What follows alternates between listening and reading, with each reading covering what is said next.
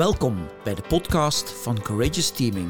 Een podcast over kiezen voor moed en werken in teams. Met Ewout, André en Patrick. Vandaag praten Ewout en André met Erik de Haan, directeur van Ashridge en coach, schrijver en onderzoeker op het gebied van organisatieontwikkeling.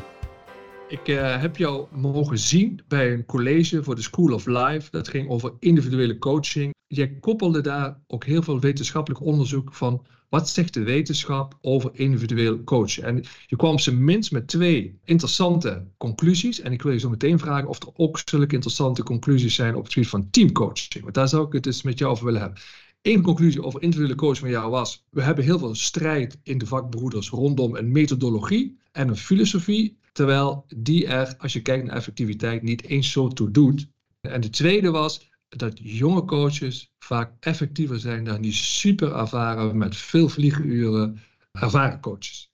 Mijn vraag aan jou is, wat zegt de wetenschap over alle teamgecoach, zal ik maar zeggen? Ja, er zijn inderdaad wel resultaten op het gebied van teamcoaching. Maar het is een veel nieuwer vak, dat weten jullie ook. Dus uh, je hebt eigenlijk pas de eerste vermeldingen van het woord teamcoaching. In deze eeuw, vanaf 2003 ongeveer, zie je de eerste artikelen verschijnen. En dat bouwt natuurlijk wel voort op allerlei andere activiteiten, zoals uh, procesadvisering en organisatieontwikkeling. Maar dat zijn activiteiten die nooit zo diepgaand onderzocht zijn. En die ook moeilijker te onderzoeken zijn dan individuele coaching want individuele coaching is toch meer een laboratoriumsituatie waarin je elkaar steeds in een neutrale uh, kamer ontmoet uh, voor een bepaald aantal uren. En dat is uh, mooi afgegrensd. Dus dat is voor onderzoekers eigenlijk een, een ideale setting. bij teamcoaching is dat minder het geval. En heb je ook vaak complexere interactie natuurlijk met allerlei mensen in een ruimte. Maar ondanks het feit dat het nieuwer is, jonger is en moeilijker te onderzoeken is, zijn er wel een aantal artikelen geschreven over teamcoaching die heel goed zijn. En die zijn niet zo heel erg makkelijk samen te vatten ook, want je hebt natuurlijk meer dimensies bij het onderzoek naar teamcoaching.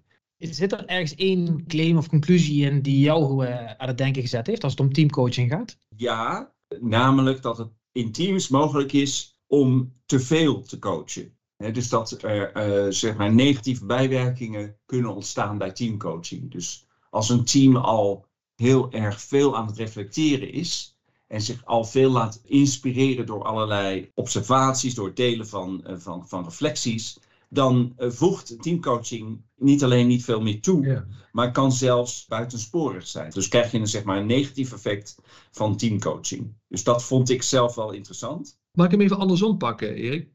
wanneer wel te doen. Dus ik ben leidinggevende. Kunnen we die net zo goed gaan bowlen en daarna gaan we steengrillen. Wanneer adviseer jij vanuit de kenniskunde die je hebt dat je het moet overwegen? Op basis van mijn onderzoek ook naar de effectiviteit van teams. Dus dan kijk ik in eerste instantie naar wat maakt teams effectief. En daar is ook wel onderzoek naar gedaan. Dat heeft nog niets te maken met coaching. Maar dan lijkt het alsof uh, reflectie, gezamenlijke reflectie, diepte of rijkdom van reflectie, uh, wel degelijk correleert met uh, meer innovatie en meer productie bij teams. Dus ik zou zeggen, als je vindt dat een team beter moet reflecteren, wat meer stilstaan bij wat er gebeurt, wat, wat creatiever omgaan met wat er gebeurt, elkaar minder onderbreken en, en uh, minder oppervlakkige gesprekken met elkaar voeren, of minder vermijdende gesprekken met elkaar voeren. In dat soort omstandigheden denk ik dat het belangrijk is om naar die signalen te luisteren. Want het is belangrijk voor teams uh, in het algemeen om goed te reflecteren. En vervolgens, als je dan de reflectie wil verbeteren in je team, dan zou je ook teamcoaching kunnen overwegen. En dat dus, kan dus, dus ook zijn aan de eindfase van een team. Hè? Dus ik zie, ik zie vaak in mijn, in mijn eigen opdracht, in mijn eigen praktijk, dat je ook heel behulpzaam kunt zijn als er slecht nieuws is voor een team. Of als, er, als het team door een hele moeilijke situatie, bijvoorbeeld een ontvlechting of een opheffing, heen moet, hè, dan kan het juist goed zijn om wel teamcoaching te bieden. Uh, maar ook, ja, ook in alle andere omstandigheden waarin je meer reflectie nodig hebt. Dus daar zit ook iets uh, voor sommige leiders contraproductiefs in. Hè? Als ze het heel druk hebben, heel spannend is, als er een grote verandering, dan hebben ze net de neiging om van ja, dan gaan we die teamsessies, die, die gaan we uitstellen. Eigenlijk ja. zeg jij, ik zou daar eens goed over nadenken, want misschien heb je ze wel keihard nodig. Ja, dat ligt heel erg aan de sfeer en de cultuur in het team. Hè? Dus je kan ook in een gemobiliseerde situatie. Hè? Ik kijk zelf heel veel naar de, uh, wat er gebeurt tussen Oekraïne en, en Rusland. Hè? Dat vind ik een hele interessante casus voor leiderschap.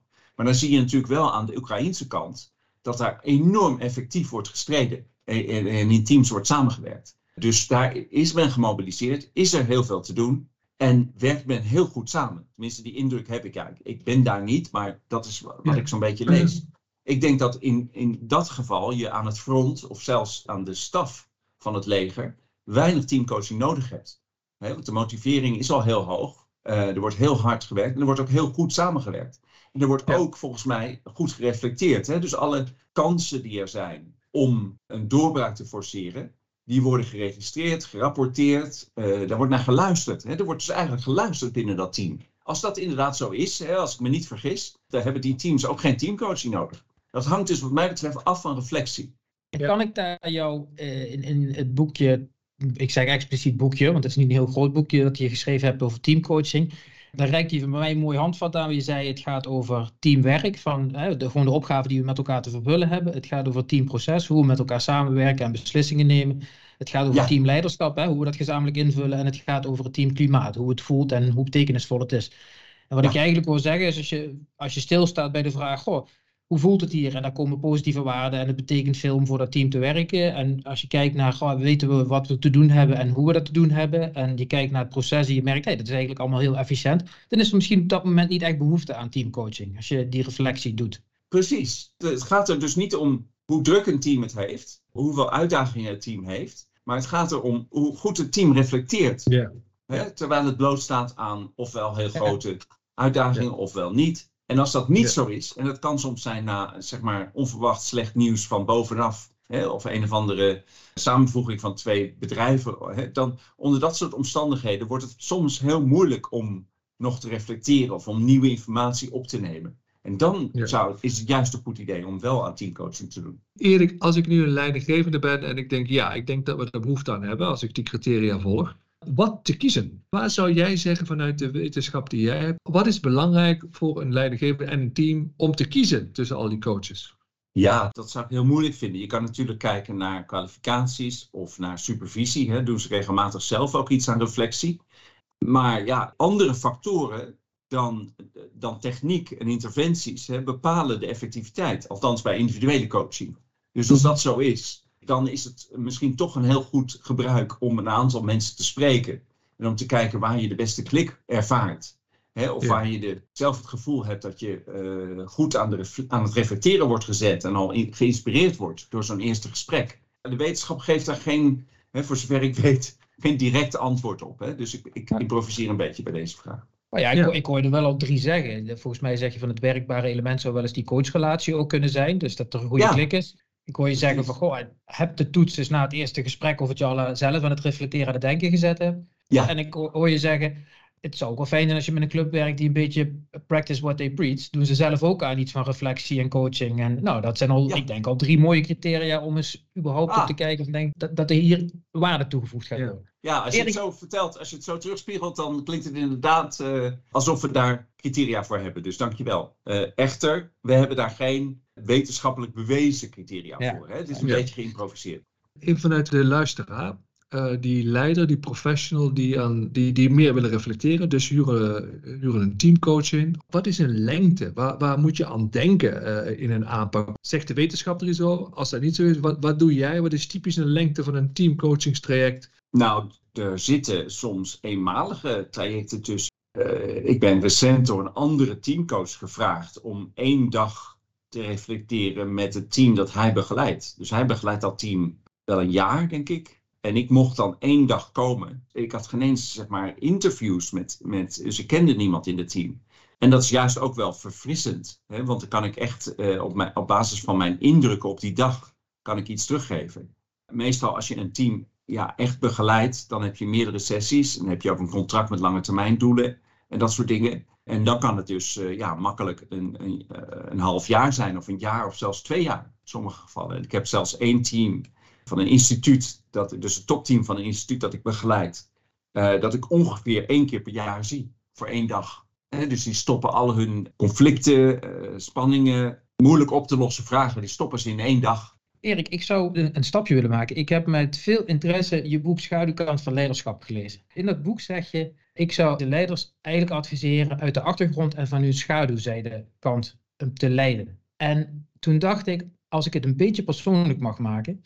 Jij bent natuurlijk ook, ook directeur van Ashgrades. Daar leid jij ook. Hoe ziet dat er voor jou in de praktijk uit? Dus waar let jij op? Hoe zorg jij ervoor dat je zelf vanuit de achtergrond en bewust van je schaduwzijde leidt? Ik heb geluk gehad, want dat, dat soort mensen binnen een universiteit, die zijn heel erg assertief. En die zijn heel erg direct. Dus als het ze niet bevalt, dan vertellen ze dat mij gewoon. dus ik krijg in mijn team heel veel terug. Ze zijn niet bang om mij te vertellen wat voor schaduwkanten zij dus bij mij waarnemen. Want het punt met die schaduwkanten is dat ik het zelf vaak minder goed zie. daarom is dat is juist bij, per definitie de schaduwkant. Dus het, wat er achter mij onzichtbaar is, of wat ik zelf niet honoreer of ontwikkel enzovoort. Dus uh, het helpt als andere mensen daar af en toe uitspraken over doen. Niet dat zij mijn schaduw perfect zien, maar zij hebben daar uh, wel een ander perspectief op. En ze kunnen daar dus ja, iets over teruggeven. En dat doen ze gelukkig ook bij mij. Dus dat helpt mij enorm om een klein beetje daarop in te spelen en, en zelf ook mijn leiderschap aan te passen op hun waarnemingen.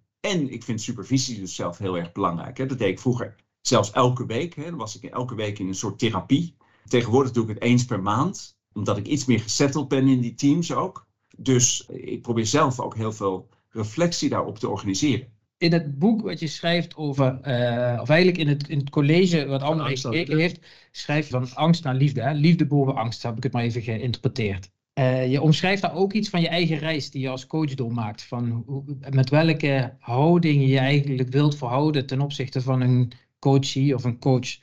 Um, en ik, terwijl ik dat aan het lezen was, dacht ik, goh, wat heb je daarvoor toe te staan? Dus wat voor ongemak hoort daar ook bij om ervoor te kunnen zorgen dat je uit die liefdevolle houding aanwezig blijft coachen?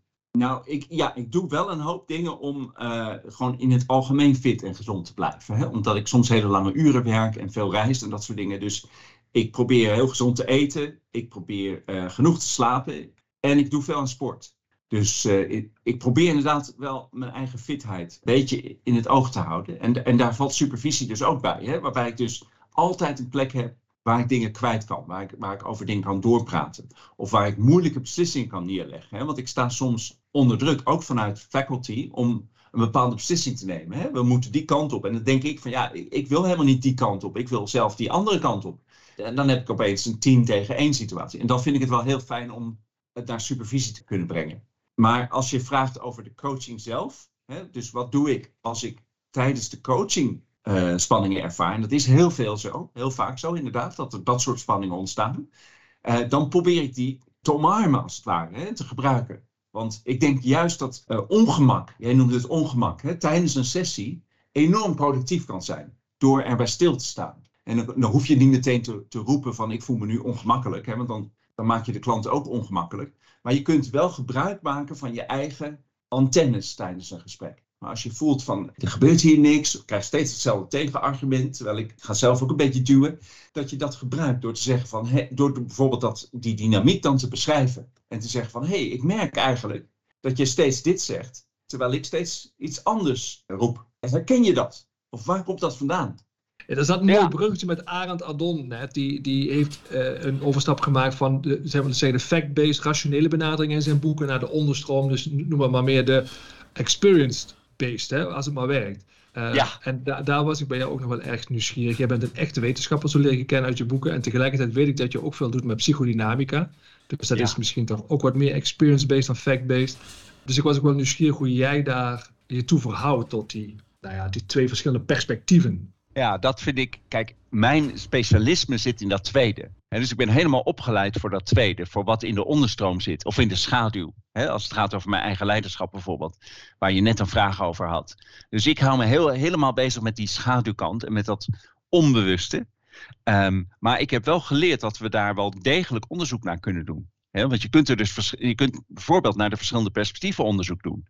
Die er, die er zijn. Hè, in een, jij ziet dingen, ik zie weer andere dingen.